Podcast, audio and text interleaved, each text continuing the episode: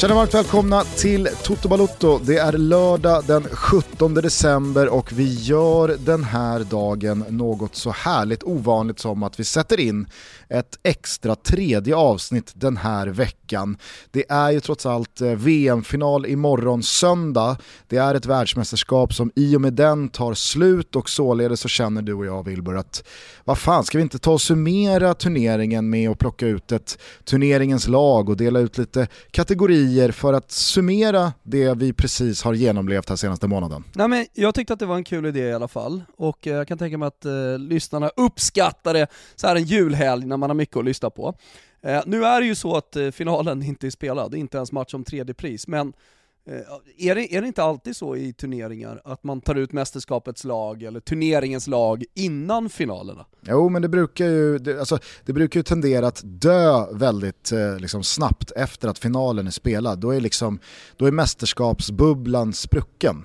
Så att för att eh, de här eh, turneringens lag och de, de eh, fina priserna som ska delas liv. ut ska få någon slags glans, för att ge det lite liv, exakt. Eh, för att hålla kroppen vid liv innan vi rycker pluggen till respiratorn så gäller det att göra det nu. Men precis som du säger, eh, jag vet inte hur många timmar det kommer återstå innan bollen rullar, innan kulan är i luften mellan Marocko och Kroatien i bronsmatchen eh, här senare idag. Eh, jag har precis varit på Frankrikes presskonferens inför finalen imorgon. Eh, märkliga tillställningar det där. Alltså det är eh, ett par planterade frågor, ett par liksom offensiva frågor som skjuts ner med defensiva svar och ett par riktiga jävla icke-frågor. Det var först eh, Hugo Lloris som satt som spelare och sen så satt Didier Deschamps. Båda fick ju frågor såklart om eh, eh sjukdomstillståndet i den franska truppen.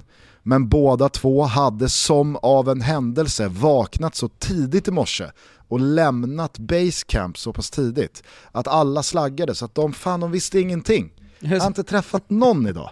Man har inte kunnat prata med någon hur de mår. Är... Det var ju jävla osis va? Ja. Nej men är inte de där presskonferenserna, eh, alltså fot fotbollsvärldens presskonferenser har ju mer och mer gått åt de eh, politiska presskonferenserna, och då pratar jag inte om de svenska, utan snarare så tänker jag ju på typ när Donald Trump, eller ja men så här, verkligen de högsta ledarna i världen, Eh, i ett globalt perspektiv vad det gäller politiken, eh, där det bara känns som att allting är stageat, frågorna är stageade innan. max kommer det någon fråga sådär eh, som, som politikern blir lite arg på, eh, som inte är stagead sedan innan. Eh, när jag sett dem där, det där rummet, alltså, eller salen kanske vi ska kalla den för, som är de stora presskonferensernas eh, högborg nu under VM, alltså det, det, hela det känns, känns ju märkligt. Mm.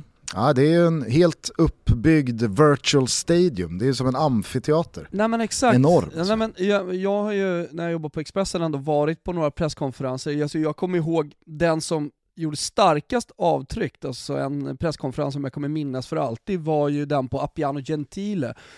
Inters eh, träningsanläggning inför ödesmatchen på San Siro mellan Italien och Sverige. Och eh, där satt Ventura, där satt Gigi Buffon. Och eh, det är ett litet rum, lågt i tak, svettigt, många såklart eh, journalister, eh, både från Italien och Sverige men även globalt som, som var där. Det kändes nästan som man satt på Spånga IP och liksom hade kommit, eh, tryckts in i domarrummet sådär och, och, och satt och ställde frågor. Jag, jag var två och en halv meter från eh, Ventura och kollade dem rätt in i ögonen eh, när, när, när jag ställde min fråga. Det kändes som att, vad fan, det här är så jävla mycket större än att lilla Wilbur José från Rönninge ska titta liksom, Ventura, Italiens förbundskapten, inför en ödesmatch. Alltså inför den matchen som skulle kunna bli, och som också blev, den svartaste dagen i italiensk fotbollshistoria. Där satt han, lilla Rönninge-killen, straight out of bistron, och tittade Ventura i ögonen.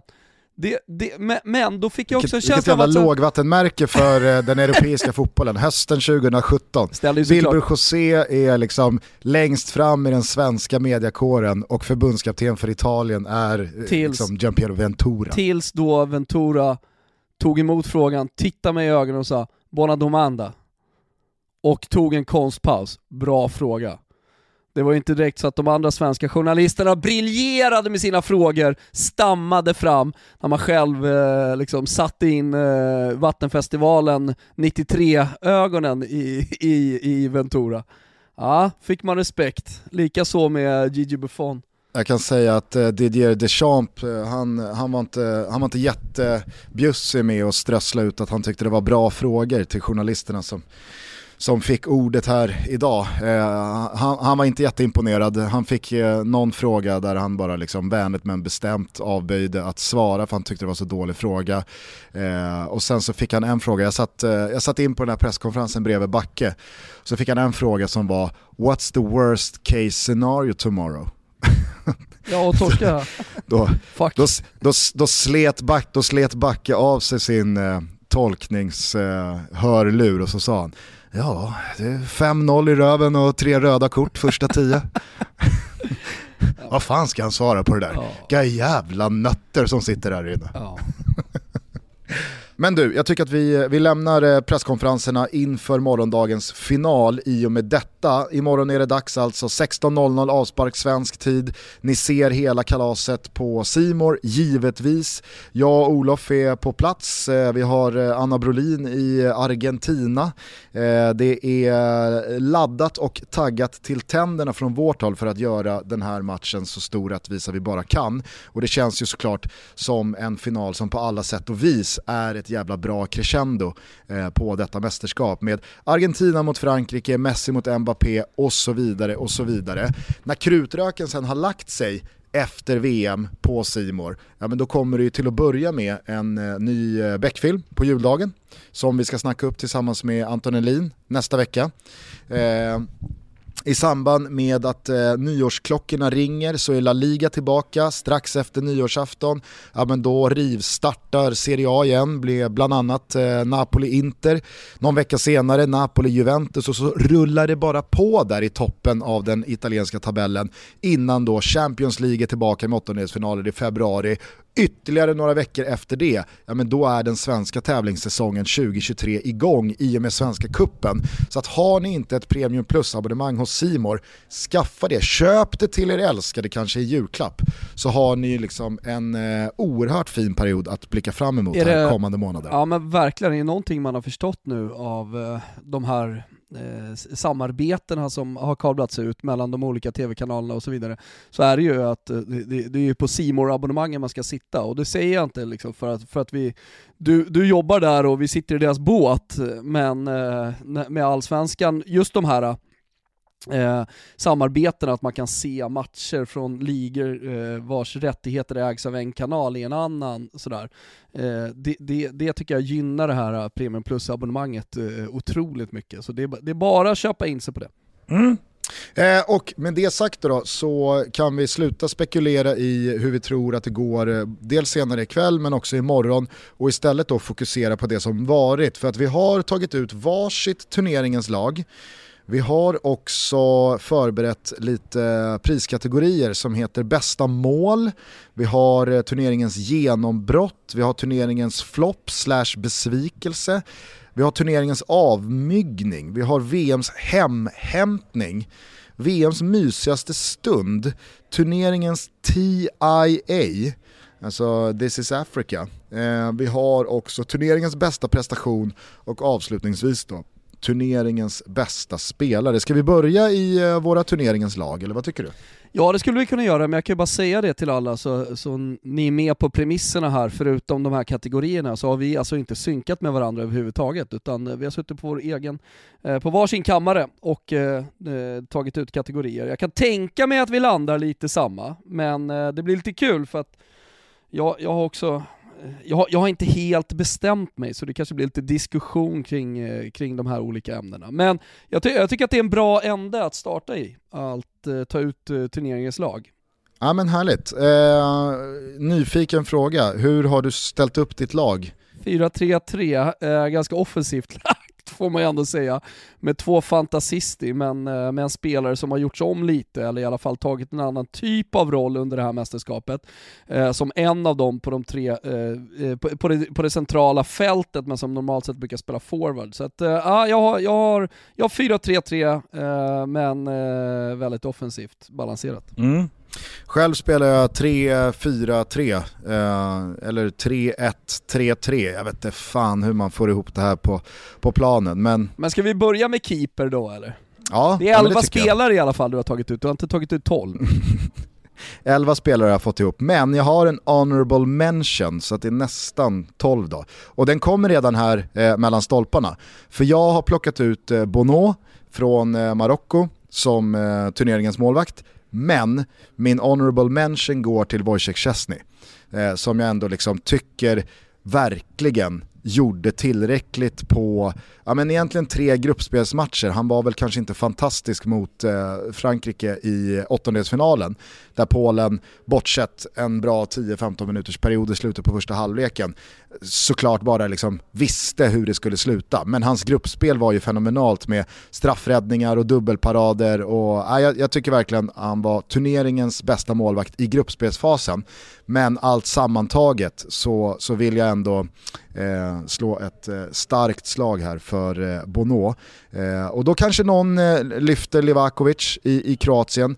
Men för mig räcker det liksom inte med att man gör det bra i, i en straffsparksläggning, eller i Livakovics eh, fall då, eh, alltså två straffsparksläggningar. Eh, jag, jag, jag, skulle snarare säga att det var dåliga straffar än bra räddningar, om du förstår vad jag menar. Så att eh, jag, landar, jag landar i Bono. Mm. jag har också Bono i mål. Eh, honorable mention till eh, Manuel Neuer som eh, drog och åkte skidor och bröt benet va? kanske, som gjorde en riktigt kanske... härlig tumme upp på bilden som kablades ut från sjuksängen också, såg du det? Alltså ja, gips det. upp till ljumsken, då ska inte tummen upp. Ja, men så här, gips upp till ljumsken, det är så jävla sällskapsresan också. Det är, ja, det är gips, gipsa hela kroppen liksom. Uh, men det kändes som att han mådde ganska bra när han låg där med, med gipset. Det kanske är TIA, eh, var, eller varning, men TIA på, på att dra, nu i snön emot då kanske, ja. men uh, rent bildligt att, att dra iväg och skada sig på, på vissla så att säga. Vi kanske ska bryta emellan då med någon, med någon, med någon kategori då i stil med turneringens TIA. Vad har du där? Ja, du menar mitt i turneringens lag? Ja, det kan jag tycka är lite fräscht. Ja men uh, på TIA så tycker jag ändå att Samuel, Sa Samuel? Samuel Eto'o uh, förtjänar ju ett omnämnande där. Mm. Uh, ja, alltså egentligen två, två olika händelser och den ena hörde jag faktiskt om idag. Det var därför jag tog med den. Jag hade valt ut Samuel Eto'o och det är ju hela historien, alltså hela Samuel Eto'os VM kan man säga, med försnacket om att eh, Senegal, de skulle gå hela vägen den 18 december, då kommer de spela VM-final, de kommer vinna. I finalen kommer de möta Marocko. Eh, så att liksom, han började i härlig afrikansk anda där. Eh, och sen eh, så följde han ju upp det under mästerskapet med att knä en supporter rätt i plytet eh, utanför en arena. Så att, eh, tycker tyck han, han stod för ett eh, afrikanskt mästerskap här, eh, Samuel Eto'o. Mm. Jag, vet, jag vet inte riktigt om det var någon supporter. Eh, jag tror att det snarare var någon form av liksom, eh, ja men, eh, lite liksom Wilbur José-liknande journalistfigur från ett annat land som då eh, provocerade Samuel Eto'o typ utanför arenan. var det inte det? Eh, som man eh, då, enligt honom, enligt journalisten eller vad man nu Wilbur José-liknande figuren som sprang runt utanför arenan skulle ha provocerat fram det här för att man eh, skulle ha fuskat då, Senegal alltså. Exakt, han, han ropade väl namnet på den domare som det viskades om skulle då ha varit köpt i eh, VM-playoffet mellan Kamerun och Algeriet. Och det här slutar ju då med ett, ett, ett fly-knee från Samuel Eto'o rätt i plytet på den. Det var, det var ju faktiskt... Men stilrent knä. Ja, men det var ju av sådan karaktär att man nästan kände att, liksom, alltså det, det var ju närmare fängelse än ett garv. Exakt, exakt. Jag garvar ändå. Så att, Tyckte, uppskattade stilrenheten i, i, i, i knät. Jag har såklart samma, jag tycker att det här givetvis är turneringens största TIA-ögonblick, men jag vill, ändå, jag vill ändå nämna här att Kamerun skickar hem eh, André Onana eh, i sann kamerunsk anda känns det som. Eh, han vill inte spela på ett visst sätt, då skickar Rigobert Song hem honom så det bara sjunger om det. Eh, men eh, ja. Jag har ett motbud. Och jag vet inte om, alltså om det är mycket TIA eller om det, det förtjänar ett nytt uttryck, att this is South America. Men det, det var speciellt i alla fall när jag satt och kollade på TV4-nyheterna i morse. Sporten eh, rullar ut sina sista sändningar innan man lägger ner nu 2023. Och eh, de lät meddela att eh, Ricarlison, eh, och jag säger med K för att jag är så italiensk, uh, Richarlisons har gjort en tatuering då på sina idoler, höll jag på att säga, sina ehm, lagkamrater i Brasilien. Med bland annat Neymar. Jag såg inte hela tatueringen, jag förstod inte vilka spelare det var, utan jag hörde det och Neymar har då bett honom ta bort den, skickat över, swishat över 350 lax för att lasra bort, jag vet inte om han menar hela, hela tatueringen, men i alla fall han själv. Det tyckte jag hade, hade något. Ja, men det är ju det är, det är tre, det är tre, det är tre ansikten där. Det är ju eh, Ronaldo, den riktige Ronaldo, Richarlison i mitten och Neymar till höger. Nästan lite så här Mount Rushmore-aktigt med, med ansiktena och sen så är det väl både lite flagga och lite bucklor och mål och bollar och jada jada. Eh, men, men... Ja, men jag tyckte att, jag tyckte att eh, nyheten hade någonting eh, i den här kategorin att göra. Ja, ja men jag köper det jag köper det. Sen så, jag menar, har, har eh, TV4-nyheterna, eller sporten då, eh, kring TV4-nyheterna gått ut med det, då får man väl utgå från att det är dubbel och trippelkollat. Men när det dök upp på Twitter att Neymar ska ha skickat pengar för att han ska liksom lasra bort det, då kände man ju det här, det här behöver ju absolut inte vara sant. Det här, det här låter som en bra Twitter-skröna. Men ja, vi får väl se. Men kan det inte vara så? Kan det inte vara så att man går på övertid här nu eh, på TV4 Sporten eh, inför att det läggs ner, att man skiter lite i dubbelkollet och trippelkollet och bara kör. Lite som ett, eh, li, lite som ett fuck off-rött i 87 minuten när man ligger under med 4-0 och har ingenting mer att hämta från matchen. L lite så, nu kör man bara nyheterna. Sista veckorna präglas av parollen “kolla inte en bra story”. Exakt, mm. det, hade, det, det hade jag uppskattat. Toto Balotto görs denna vecka också i samarbete med Dyson. Jag vet inte hur väl ni känner till Dyson, men på 70-talet, i slutet på 70-talet, eh, då blev James Dyson frustrerad över att dammsugarna var så dåliga i prestanda. Ja, men det är nog en del som är lite äldre och lyssnar på det här som kan känna igen sig. Och när han tog isär den så upptäckte han det många vi äldre har gjort, nämligen att påsen var igensatt av damm. Och det fick då såklart suget att sjunka. Han hade då precis innan nyligen byggt ett industriellt cyklontorn för sin fabrik som separerade färgpartiklar från luften med hjälp av centrifugalkraft.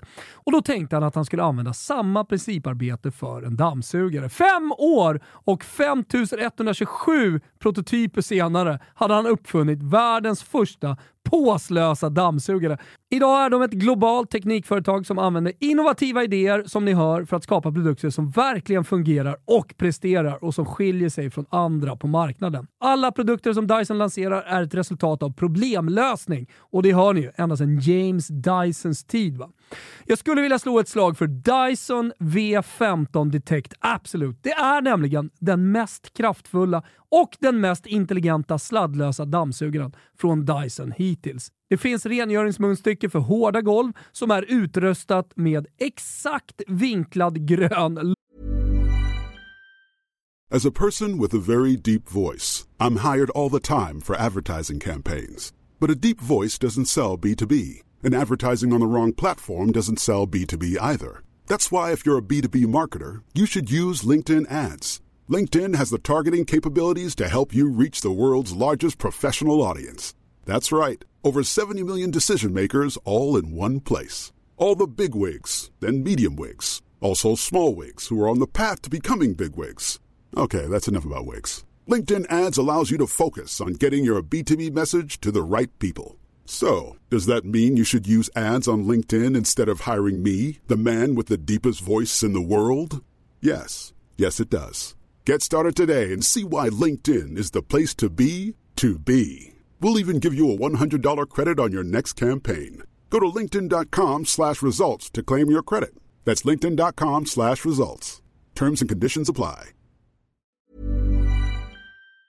Laserdiodteknik, ja men ja, detta är underbart. Som lyser upp och avslöjar dammpartiklar som du normalt sett inte kan se. Och detta också för att säkerställa att ditt hem verkligen har rengjorts på djupet. Det finns en LCD-skärm som visar de olika partiklarna som detekteras i realtid och piezosensorer.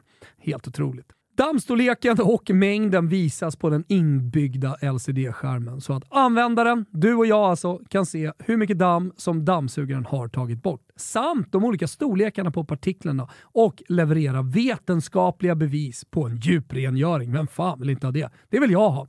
Finns lite olika rengöringsmunstycken och verktyg, hairscrew, pet grooming kit, som gör det lättare för dig att hålla ett rent och hälsosamt hem. Och det här med Hair Screw Tool är lite speciellt. Dyson Engineers försökte också lösa problemet med att ta bort hår från borstmunstycket. Det är ofta en utmaning för många dammsugare nämligen. Så Dysons ingenjörer de satte tänderna i det här och utvecklade en dammsugare och tillbehör som automatiskt reder ut trassel. Detta förhindrar att hår lindas runt borststången. Designad för hår för människor och husdjur. Och det är då pet groomingen som jag precis nämnde. Den borstar och tar bort eh, lösa hårstrån från ditt husdjur direkt in i dammsugaren. Fatta! Va? Grooma ditt husdjur med din Dyson dammsugare. Dyson V15 Detect Absolut och tillbehör hittar du på Dyson.se och i Dyson-butiker. Detta är om inte annat en väldigt bra julklapp till hela familjen. Vi säger stort tack till Dyson som är med och möjliggör Toto Balotto. Toto Balotto är sponsrade av Rock Rocker. Och Rocker har målsättningen att bli en ledande utmanare till storbankerna genom att erbjuda smartare, enklare och mer flexibla finansiella tjänster. Rocker, de har fattat att många har det tufft just nu när elpriserna slår nya rekord varje dag, ja det har väl ingen missat. Och därför har de tagit fram ett unikt erbjudande. Så lyssna nu alla som tycker att eh, det är lite höga räkningar och lite tufft där hemma. Med Rockers elräkningsakut så kan man ansöka om en kontokredit helt gratis, utan någon ränta eller avgift de två första månaderna. Man ansöker hos deras eh, elräkningsakut idag och man har pengarna tillgängliga i Rockerappen inom ett par minuter. Själv åkte jag ju på min högsta elräkning någonsin denna månad och eh, har man förstått eh, alla rapporter rätt så kommer det bara bli värre och värre. För det är ju så i ett hem där man gamar man eh, kollar mycket fotboll och eh, speciellt de här mörka tiderna så försöker man ju ha lite mystänt här och där. Och när man hörde allting om elstödet, att det skulle vara på plats och så vidare, men det sket sig, ja, då var det bara att liksom tugga i sig den där räkningen. Men som sagt, nu erbjuder alltså Rocker en lösning med sin nya tjänst Elräkningsakuten. Kontokredit helt räntefritt och avgiftsfritt de två första månaderna. Pengarna är tillgängliga i Rockerappen på några minuter. Kanske kan detta lindra ångesten som elräkningarna medför och underlätta lite inför julen. Vi säger stort tack för vårt betalda samarbete med Rocker. Nu går in på rocker.com kampanj el. Ciao tutti! Tillbaka då till eh, våra turneringens lag. Vi synkade mellan stolparna yes. i Bono. Jag spelar sedan en treback med Josko Guardiol, Nicolas Otamendi och eh, Romain Saiz. Okej. Okay. Intressant. Eh, det gör inte jag. Jag Nej. spelar med en fyrbackslinje, eh, där jag har valt Kyle Walker till höger. Jag har eh, Saiz eh, centralt tillsammans med Guardiol och sen så har jag Theo Hernandez till vänster. Det ante mig att Theo Hernandez skulle eh, hitta in i ditt lag faktiskt. Eh, jag hade det starkt på känn. Han kommer nog komma med i världslaget. Men, ja. men, han har ju ett speciellt mästerskap och en speciell landslagshistoria, alltså speciell på det sättet att hans brorsa, även om han kan spela centralt, så eh, har de ändå en konkurrenssituation i landslaget och eh, Lucas Hernandez skadade sig, Theo Hernandez kommer in och sen så avgör han semifinalen på det sättet som han gör och är ju den spelaren av alla spelare som har skapat flest chanser under hela VM. Eh, så det, det, det, finns ju verkligen någonting. Och jag vet att han har brister i defensiven och mycket riktigt uselt av honom också att eh, orsaka den där straffen. Eh, och det finns fortfarande kvar att lära defensivt för Theo Hernandez. Och som vi gjorde när vi pratade om målvakten, att då hämta in en kategori under presentationen av våra lag här, alltså, så hade vi årets hem VMs hemhämtning. Mm. Och det är en kategori som du uh, har hittat fram, och jag tänker att det liksom säger jag hämtar hem någonting jag har sagt, så har jag tolkat kategorin. Och Exakt. då hämtar jag hem Theo Hernandez, och, och, det här är ju ingenting jag har sagt inför VM, det här är ingenting jag har sagt för efter succén i Milan, utan det här var någonting som jag sa efter en match i Milan-tröjan uh, på Twitter Eh, då alla egentligen Real Madrid-supportrar och ja, men, supportrar överlag liksom pissade lite på Theo Hernandez, det var en stökig jävel och det där kommer inte bli någonting. Och eh, när jag skrev att det här kommer vara kommande decenniums bästa vänsterback, så fick jag så jävla mycket skit. Därför, det är därför lite extra kul att hämta hem eh, just Theo Hernandez, när han precis har avgjort, en, eller avgjort, men gjort mål i en semifinal, skapat flest chanser, hela världen snackar om honom. Det, det, är mitt läge, här och nu, att hämta hem Theo Hernandez. Ja, ja men snyggt. Eh, då kan väl jag bara bryta emellan då med att jag hämtar hem eh, Cody Gakpo eh, efter den här turneringen Eh, som jag har pratat mig väldigt varm om eh, hela vägen sen i eh, somras under hösten här framförallt. Eh, och hans gruppspel minns ju många med mål i varje match. Sen så tog det ju slut för, för Holland mot eh, Argentina eh, och Gakpo svalnade ju lite i slutspelsfasen. Men ändå, det där är ju en spelare som liksom Theo Hernandez kommer vara eh, en av eh, de absolut främsta i många, många år framöver. Eh, tycker också att Fernando Santos, han kan få stå för en egen hemhämtning eh, i då utfallet på petningen av Cristiano Ronaldo mot eh, Schweiz. Alltså som han hämtade hem den eh, laguttagningen. Det, det, det, det ska han fan ha, gammelgubben där på Portugals bänk kommer också med budskap från Backe eh, i den här kategorin att han eh, gärna vill hämta hem Marocko. Ja, exakt. Eh, verkligen, men eh, han var lite för sen på den. Eh, men, men det är fint att han försöker.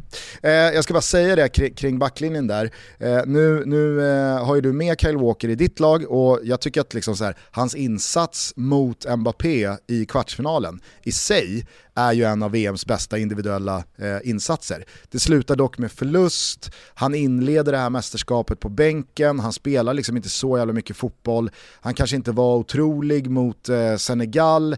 Jag fick liksom inte in Kyle Walker på något sätt, jag hade Achraf Hakimi närmre, men i och med att jag verkligen ville peta dit eh, Nicolas Otamendi som jag tycker har fått lite för lite ros det här mästerskapet. Alltså Argentina Varann varit... skulle jag också bolla upp här. Ja, inte lika, inte lika nära eh, min, min backlinje, eh, Rafael Varan. Men Otamendi tycker jag har varit riktigt, riktigt bra i ett Argentina som har varit jävligt snåla defensivt, de har släppt till sjukt lite målchanser. Jag tycker Otamendi överlag förtjänar lite upprättelse efter att ha fått liksom, ja, men en strulpelle-stämpel på sig i Manchester City. Eh, han har faktiskt gjort det extremt bra i Benfica i ett par säsonger här nu, det märks inte minst på deras Champions League-resultat. Och han har varit den enda konstanten i eh, Lionel Scalonis eh, backlinje som han har roterat oerhört mycket med eh, i, i, alla matcher. Så att, eh, jag vill verkligen lyfta Otamendi. Sen så tycker jag att Roman Seis, han får istället för att liksom kriga in Hakimi här eller någon annan marockan eh, där, så tycker jag att Seis, trots att han spelade slutspelet med ett lår, eh, så får han liksom också vara symbolspelaren för Marockos eh, defensiv. Eh, så att, eh, jag, jag, vill, jag, vill, också plussa för hans, liksom, ja, men hans eh, naiva tro på att det skulle gå rent fysiskt mot Frankrike.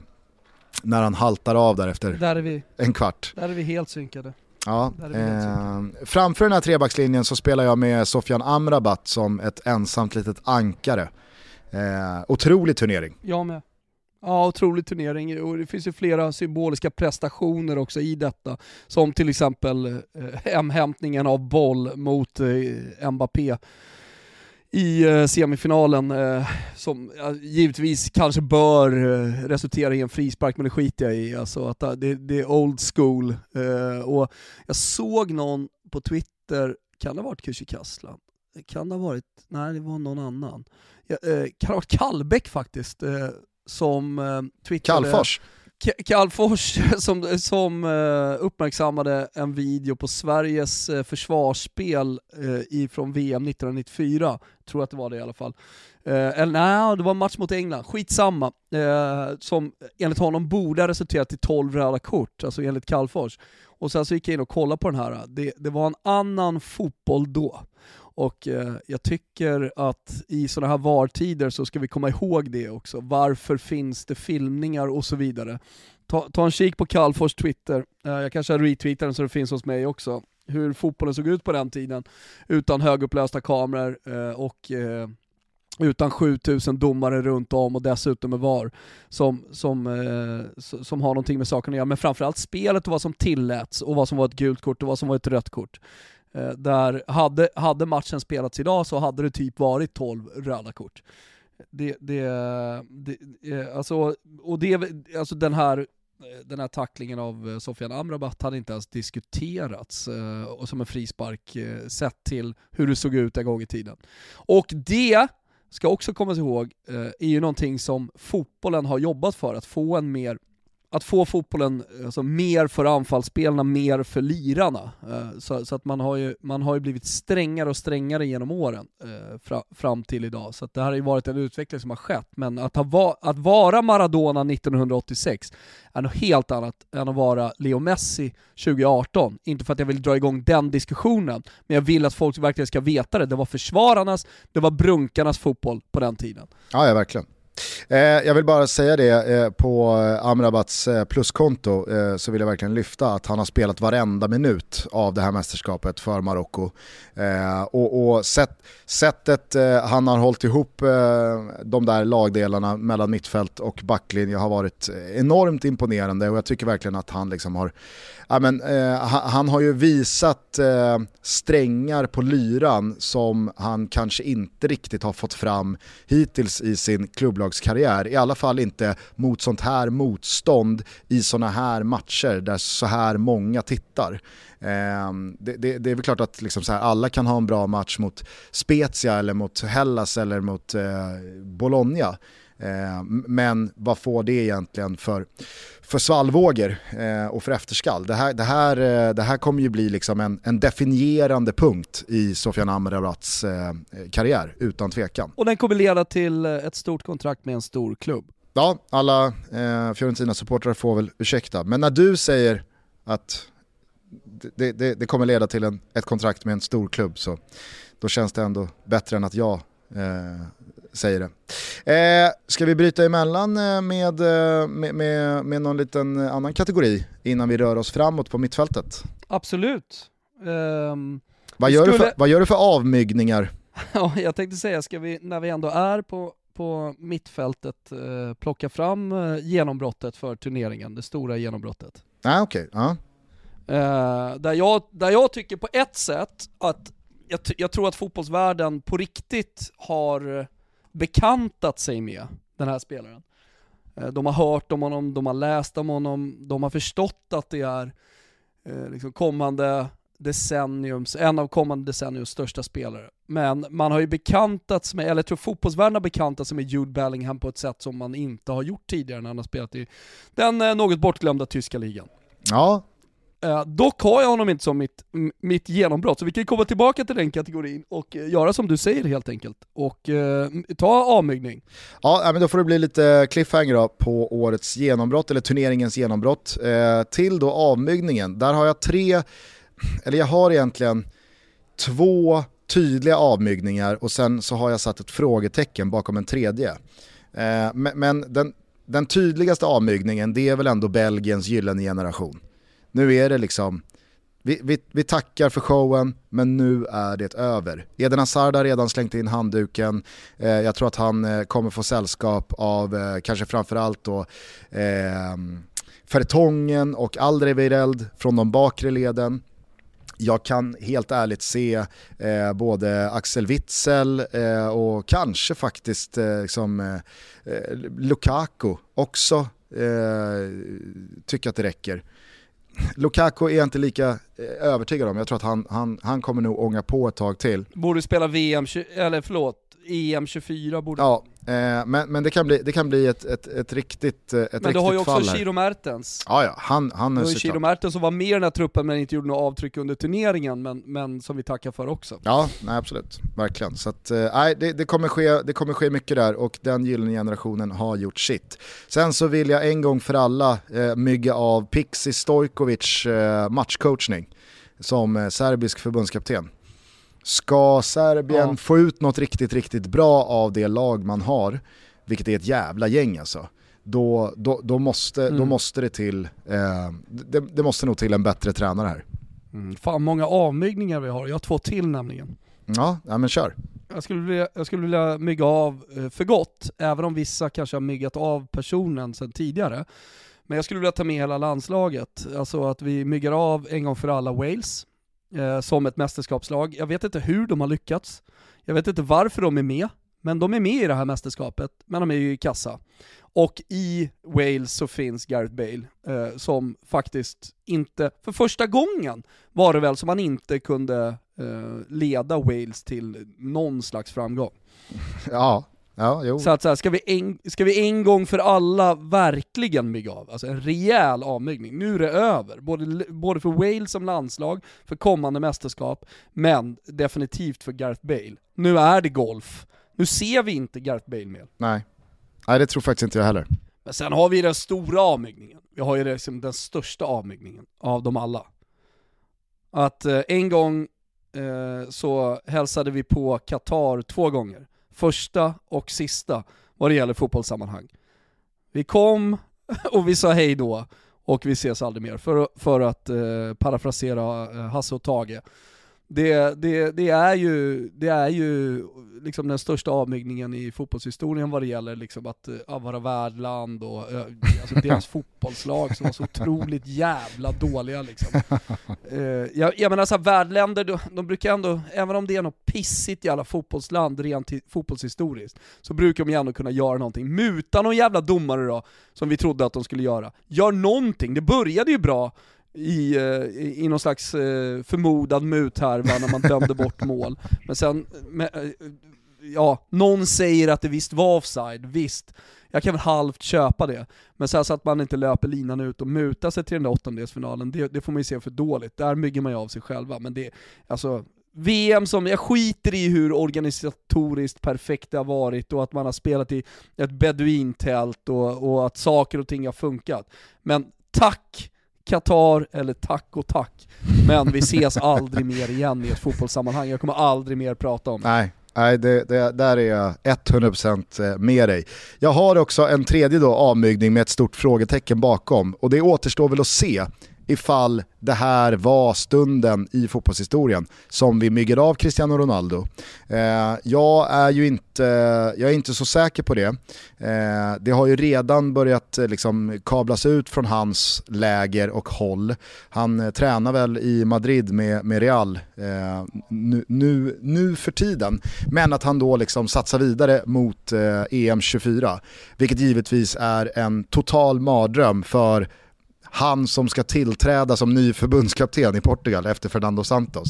Alltså det, det var ju det sista han ville höra eller kandidaterna ville höra att, ja, bara så ni vet så är det, det är ett och ett halvt år till då med Cristiano Ronaldo som gäller.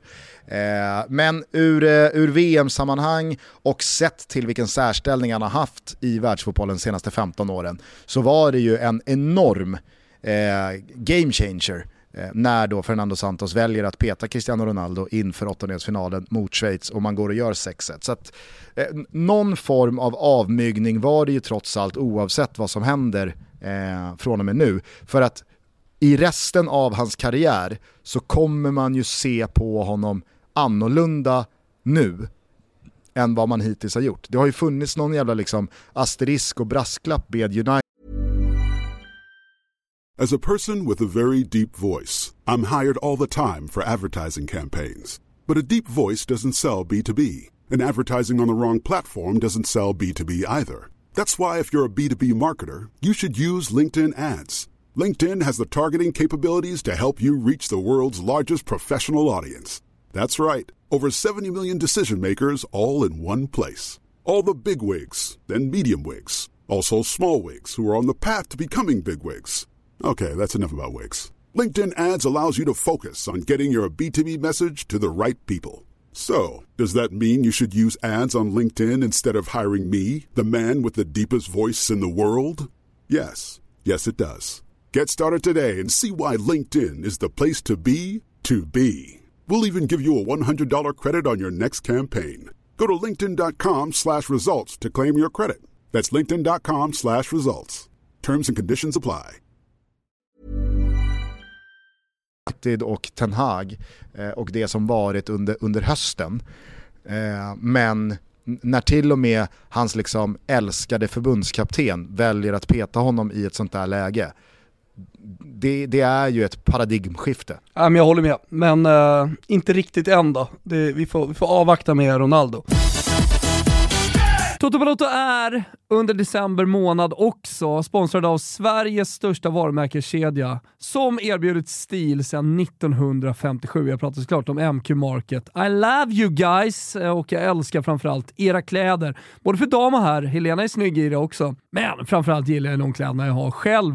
Deras ambition den syns på mig. Det vill säga att långsiktigt bygga upp en garderob som funkar och känns rätt. Inte bara idag, inte bara imorgon, utan en lång tid framöver. Men jag gillar också MQ för de har en massa tjänster som hjälper mig. Sneakers-tvätten i höstas, då skickade jag in alla mina sneakers, det är några stycken, och sen eh, fick jag tillbaka dem. De står nu redo för våren. Det är en bit dit. Men de har personal shopper, eh, de har hjälpt mig en hel del och sen så second hand-kläder, eh, men också skrädderi.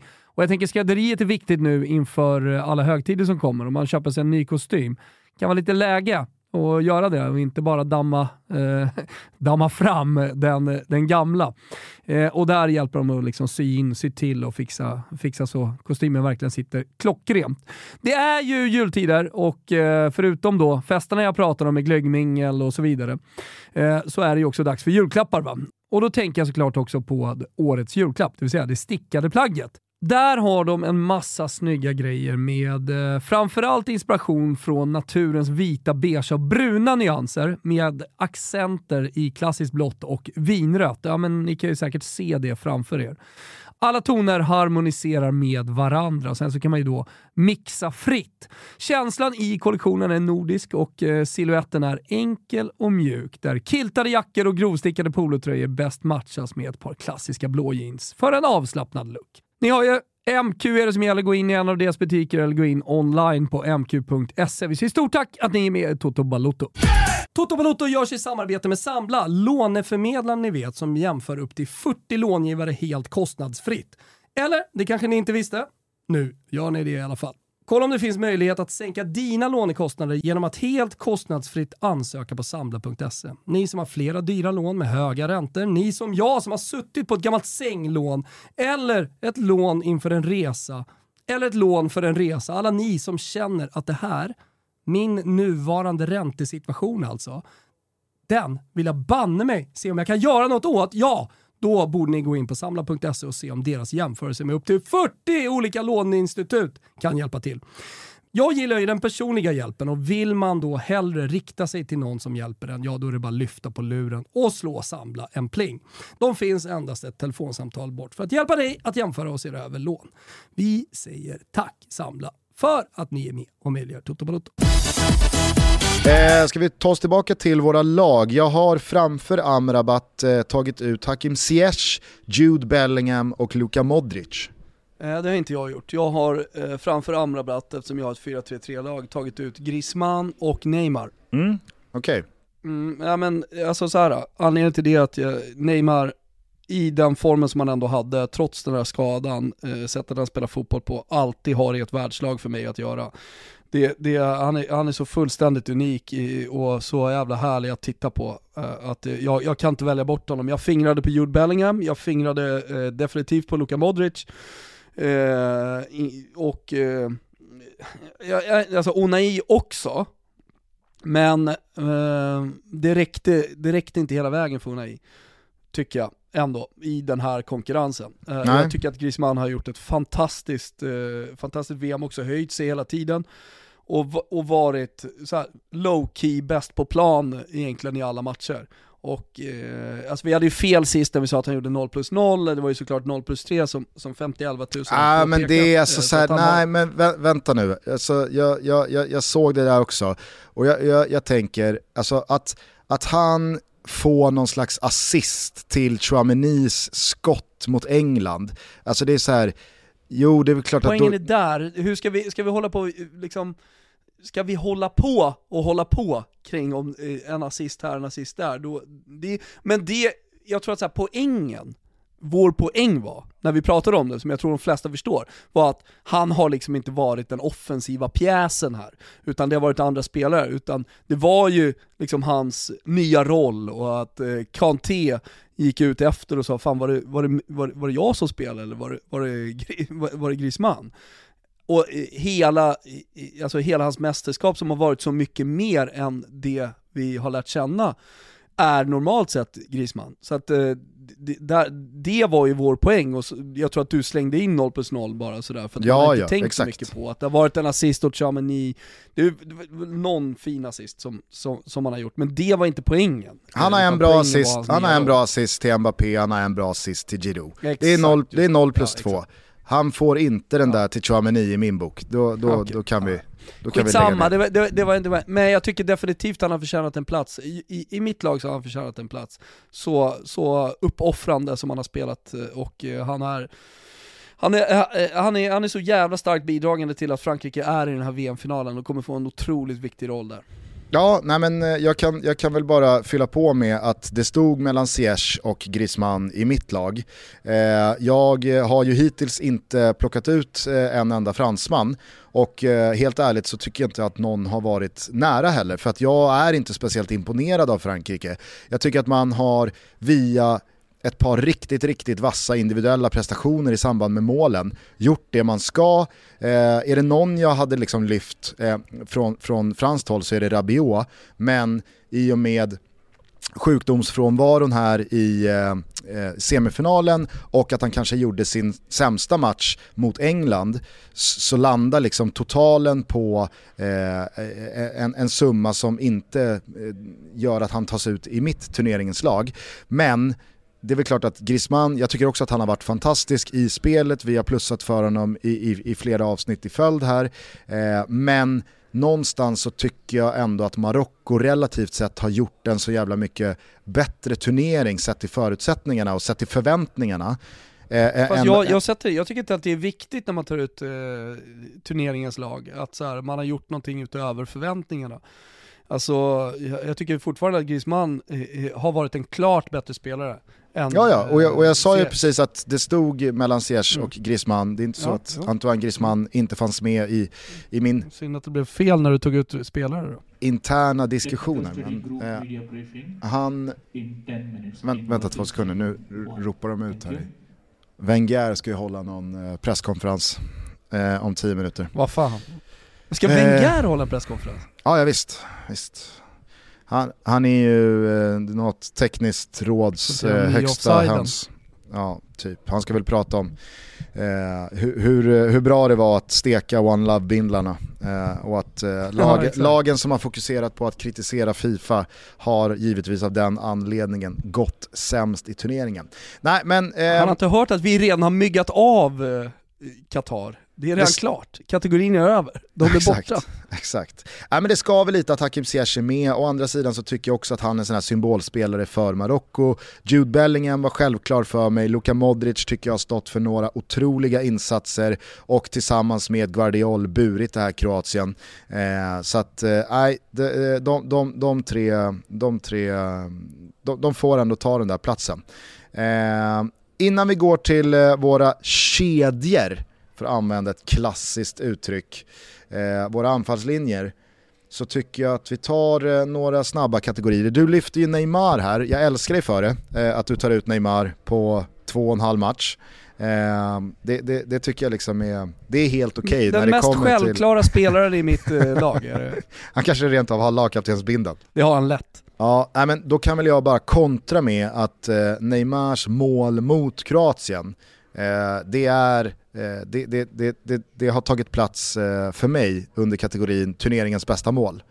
Ehm, sen så har jag valt att lyfta två andra mål. Förtjänade fri... så mycket mer. Men det är frisparksmål, ja men det gjorde ju verkligen det. Eh, och när det kommer mm. till liksom spelmål och ett mål som, ja men, där man bara ställde sig upp och eh, rycktes med, det var ju verkligen då... Serbien. Nej, vadå? Nej men Serbien har ju ett spelmål, eh, ja. de spelar så, på, ta, på tal om att använda gamla fotbollsuttryck, de spelar som på ett snöre, bollen går som på ett snöre mellan laget. Ja, och så hela vägen fram till, det är väl Mitrovic som avslutar till slut. Ja det är det va. Eh, och, och för, för att också damma av ett gammalt klassiskt uttryck så var det som, det var som att se Sovjet på 80-talet. Det var Larionov, Makarov och Krutov. Klapp, klapp. Exakt. Exakt. Nej men det målet är inte med. Eh, Neymars Fett, mål mot Kroatien, det tycker jag har en liten särställning från open play, men jag vill såklart lyfta eh, Wout Weghorst-varianten som leder fram till 2-2 mot Argentina. Och sen tycker jag faktiskt att ett av turneringens snyggaste mål som på intet sätt har liksom lyfts fram är Luis Chavez frisparksmål mot Saudiarabien. Alltså det är mm. ett jävla piller. Eh, som är slaget med liksom bra precision och bra skruv och den sitter riktigt bra och i det läget också när de jagar mål. Och, eh, det, var, det var ett otroligt mål. Så det är mina tre bästa mål. Ja men det är något med VM att det alltid görs snygga mål. Alltså det är svårt efter varje mästerskap att uh, välja ett, uh, på tal om Saudiarabien så är de ett otroligt mål av någon av gubbarna. Uh, klart man inte kommer ihåg namnet på honom mot Argentina i första matchen som dessutom är extremt viktigt. och sen har du uh, Richarlisons Bissa som, som också är, liksom såklart kandiderar för folk som årets mål. Men jag håller med om att, åh nej, han får eh, även priset eh, fr från mig. Ja, nej alltså det är, det, det är älskvärt. Men frisparksvarianter, det händer ju bara i VM. Ja. händer ju aldrig i klubblagsfotboll. Nej, förutom när Wout Weghorst gör det i Wolfsburg. Ja, gör han sådana mål i Wolfsburg också? Nej men alltså det, det, det, har du väl inte, du har, har, du missat det? Jag har missat. Alltså, Strax, strax efter den här 2-2-varianten mot Holland så kommer det ju fram på sociala medier att Wout Weghorst har ju liksom gjort samma mål på samma variant två år tidigare i Wolfsburg. Jag fattar, jag fattar. Nej, jag det är det som var så jävla coolt. Känns fräscht att ha missat det också. Ja, eh, men ska vi ta våra, eh, våra anfallslinjer då? Eh, jag mm. tycker att de är eh, självklara de här tre spelarna. Det är Lionel Messi, det är Julian Alvarez och det är Kylian Mbappé. Jag har eh, också en självklar trio, dock ser den inte likadan ut. Det är Messi, eh, det är Olivier Giroud och det är Mbappé. Mm. Ja, jag visste att du skulle ta Giroud före Alvarez, men eh, jag tycker verkligen att eh, Julian Alvarez har inte bara eh, för sig själv, jag vet att vi pratade om det här i senaste avsnittet, eh, alltså inte bara, inte bara exploderat för sig själv utan han har ju varit det perfekta komplementet till Lionel Messi. Jag tror inte att Messi hade varit så här bra som han har varit i turneringen utan eh, Julian Alvarez. Springer ju en del åt Messi så att säga. Exakt, och, och, så, så här, det är väl klart att man kan säga samma sak om, om Olivier Giroud, att han, han är liksom en på en del sätt kanske bättre pusselbit för att få ut eh, så mycket som möjligt av resten i den där franska offensiven kontra Karim Benzema, även fast jag tycker att Benzema är mycket bättre än Giroud. Eh, men nej, alltså det, det, det, är svårt att inte eh, dela ut högsta betyg till Girouds VM också. Men de två mot varandra, eh, där håller jag Julian Alvarez eh, insats högre, därför är han med. För att Messi och Mbappé, de, de tar ut sig själva. Um... Nej, men jag tycker att eh, Olivier Giroud är, är eh, spelartypen, dels som faller mig i smaken otroligt bra, alltså den stora, klassiska, felvända nian som är otrolig i boxen och, och sätter mer eller mindre allt. Och när, när liksom bollarna kommer på det sättet som de gör, då är det någon slags garanti. Och det är också en hyllning till honom och hans eh, renässans i Milan. Eh, jag ska inte säga att han var dålig när han kom, men han var ju definitivt lite, inte, inte, inte av ett skämt sådär, så här, vad ska Milan göra med honom, det är gamla spelare, men men sett i hans höga ålder också, eh, men, han, men ändå kan spela så akrobatiskt och smidigt som han gör, eh, göra mål på många olika sätt. Eh, det, det, är, det är så en anfallare ska se ut för mig. Ja. Så det, där, där är han helt given.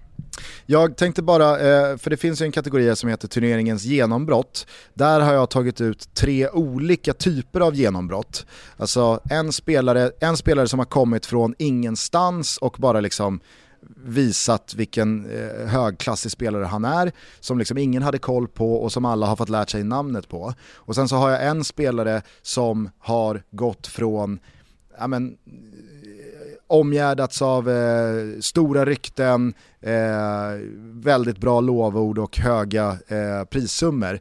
På de här veckorna så har han verkligen motiverat det och jag har liksom inga tvivel kring att det här är en, en, en världsspelare. Och sen så har vi då Julian Alvarez som redan har etablerat sig, Eh, dels med massa mål och fina säsonger i River Plate, kommer till Manchester City och det är inte liksom vilket lag som helst. I somras, han har fått sin speltid, han har liksom eh, smugits in i Pep Guardiolas lag, gjort det bra, men så kommer en sån här turnering som gör att när han åker tillbaka till England Alltså då gör han det ju med en helt annan status. Eh, så att där är det liksom en, en etablerad, han, han, han har etablerat sig på den här nivån men han är fortfarande väldigt, väldigt okänd för extremt många.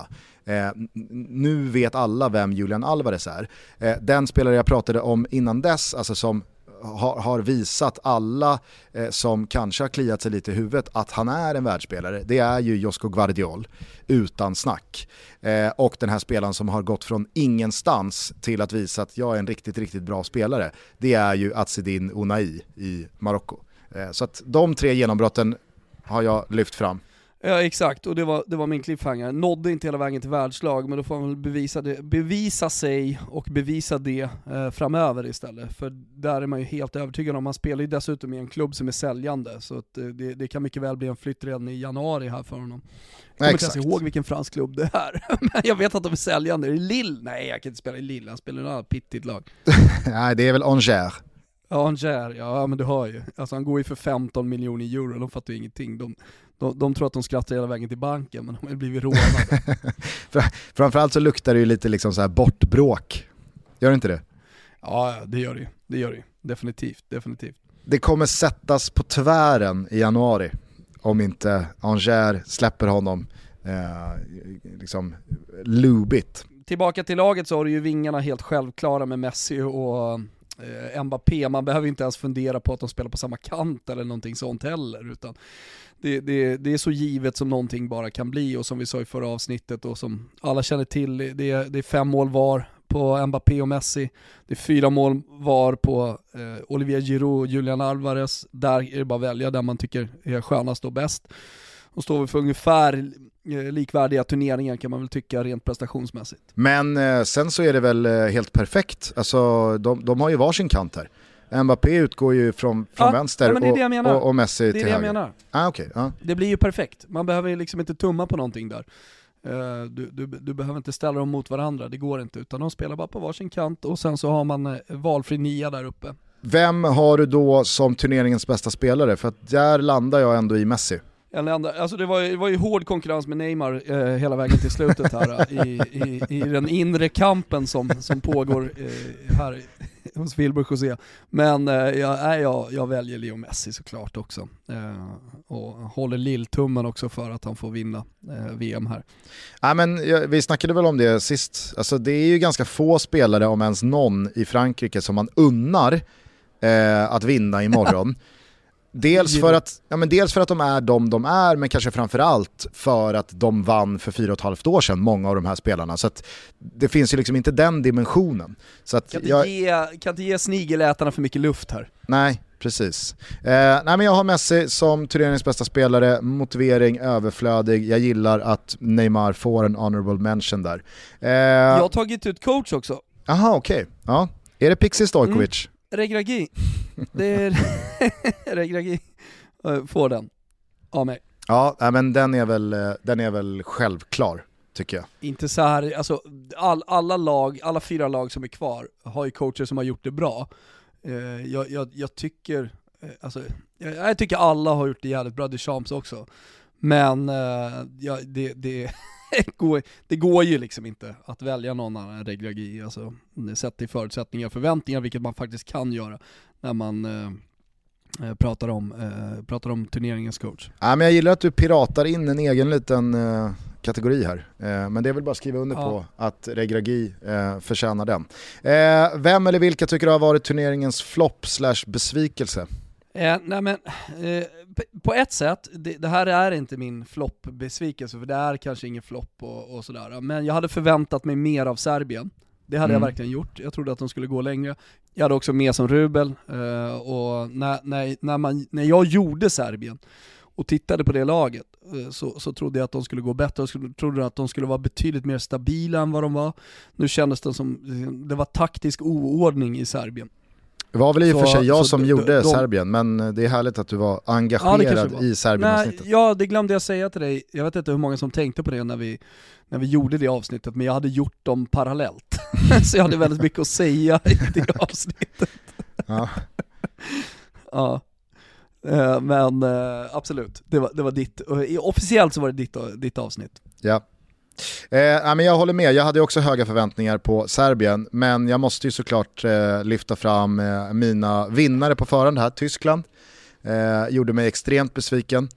Eh, jag tycker att eh, Hansi Flick gör ett dåligt mästerskap.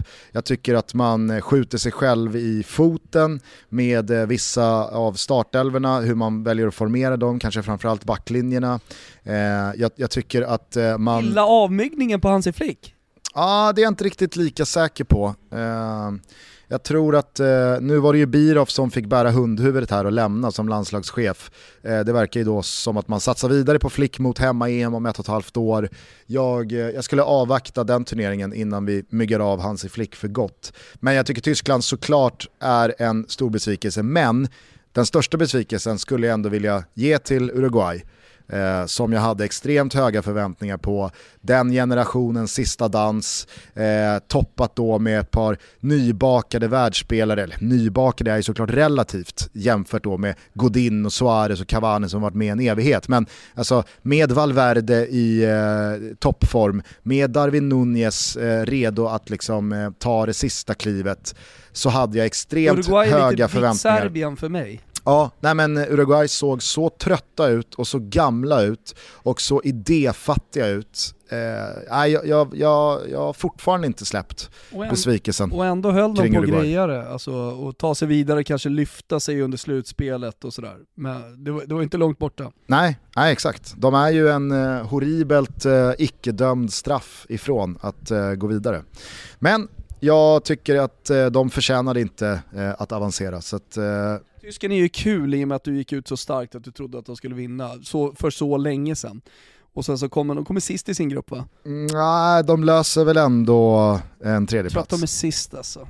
Nej, de, de, de vänder ju mot Costa Rica och vinner så att de, de löser faktiskt. Minns också det fina Argentina-avsnittet när jag, jag och Svanemar går igång på Argentina och Gusten är emot där. Eh, så att, ja, men det, finns, det finns någonting härligt eh, från Tutski Balutski att, eh, plocka med sig också. Mm.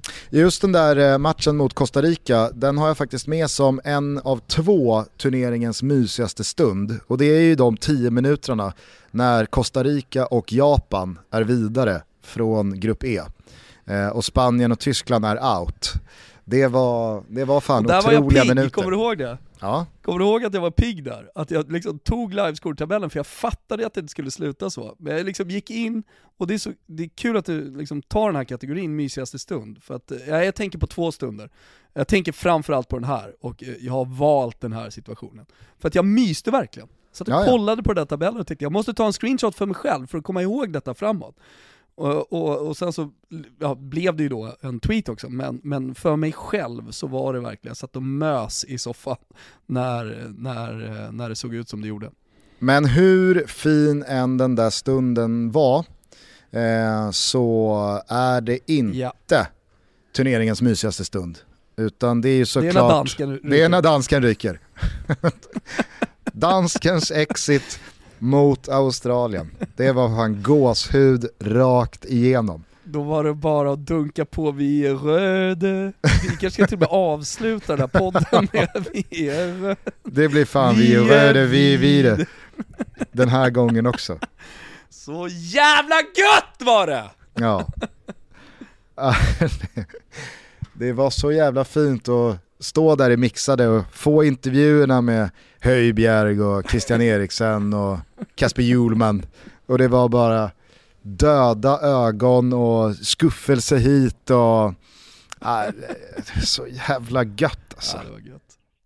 Ja, det var ruskigt fint. Har vi en kategori kvar då? Åre, eller årets, jag är inne på årets hela tiden. VMs prestation eller? Ja, eh, det här tyckte jag var lite svårt, men med tanke på hur han eh, firade så måste det väl ändå vara eh, turneringens bästa prestation. Nämligen Gonzalo Ramos hattrick eh, mot Schweiz i åttondelsfinalen. Som firades av med en god liten runk. Eller? Jag, jag har Saudiarabiens seger över finalisten Argentina också som, som eh, turneringens prestation, men, men eh, absolut, alltså, jag, jag, kan skriva under på det också. Alltså när man firar med att hala fram mobilen och eh, filma av den lilla hudningen, då vet man att man har stått för en exceptionell bedrift, tänker jag. Ja, absolut, absolut. Men jag tycker att det är bra att du lyfter eh, Saudis eh, seger mot Argentina. Slog ju liksom an också eh, vart den här turneringen skulle ta vägen när eh, lilla Saudiarabien slog stora, stygga, mäktiga Argentina med Leo Messi längst fram.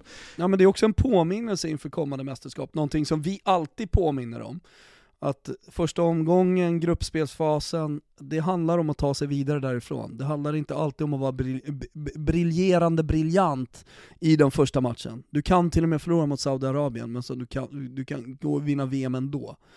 Eh, jag, jag, jag tycker att det är värt att påminna alla om påminnelsen eh, inför kommande mästerskap och Champions League-slutspel och så vidare. och så vidare. Det är inte de som har sett bäst ut under gruppspelsfasen av Champions League som kommer vinna Champions League, det är jag helt övertygad om. Exakt, nej men verkligen. Eh, och, och jag tycker också att eh, dels så, så, slog ju den där matchen symboliskt an att okej, okay, det här kan nog bli ett ganska speciellt mästerskap för att det här är nya förutsättningar med eh, november-december, ingen riktigt vet eh, vart det ska ta vägen. Eh, det, det, här, eh, det här eh, är nog också ett bevis på att eh, de mindre landslagen närmat sig de större, skillnaderna är inte lika stora längre, eh, förberedelserna har varit kortare, det kommer märkas. Jag tycker också att man lite har glömt bort hur jävla många deppiga och tråkiga matcher det var under turneringens inledning. Alltså det var ju 0-0 mest hela tiden och det var ganska temposvagt eh, och, och, och, jag satt ett par dagar och kände att så här, fan, det, här, det här är ingen rolig fotboll. Men fan vad, fan vad liksom rent sportsligt turneringen har, eh, har stegrats. Ja men jag tror att det var omgång två när, när det gick ner lite och vi hade några eh, ganska deppiga matcher. Men skulle också vilja lyfta fram kanske främst Japan då, men lite Sydkorea. Eh, men, men främst Japan som jag tycker gör ett starkt VM. Och flagga lite framåt Gusten, för de nordamerikanska lagen, alltså både Kanada och USA. Nu gör inte Kanada ett jättebra VM, eller de, alltså resultatmässigt så ser det inte bra ut alls när man, eh, när man kollar tillbaka. Men eh, det fanns något och, och, och det, det, det, är ett fotbollsland på uppgång, precis som såklart också USA är ett fotbollsland på uppgång. Och de har hemma VM, eh, både Kanada och eh, USA till nästa vända. Eh, det, det är bara en liten påminnelse.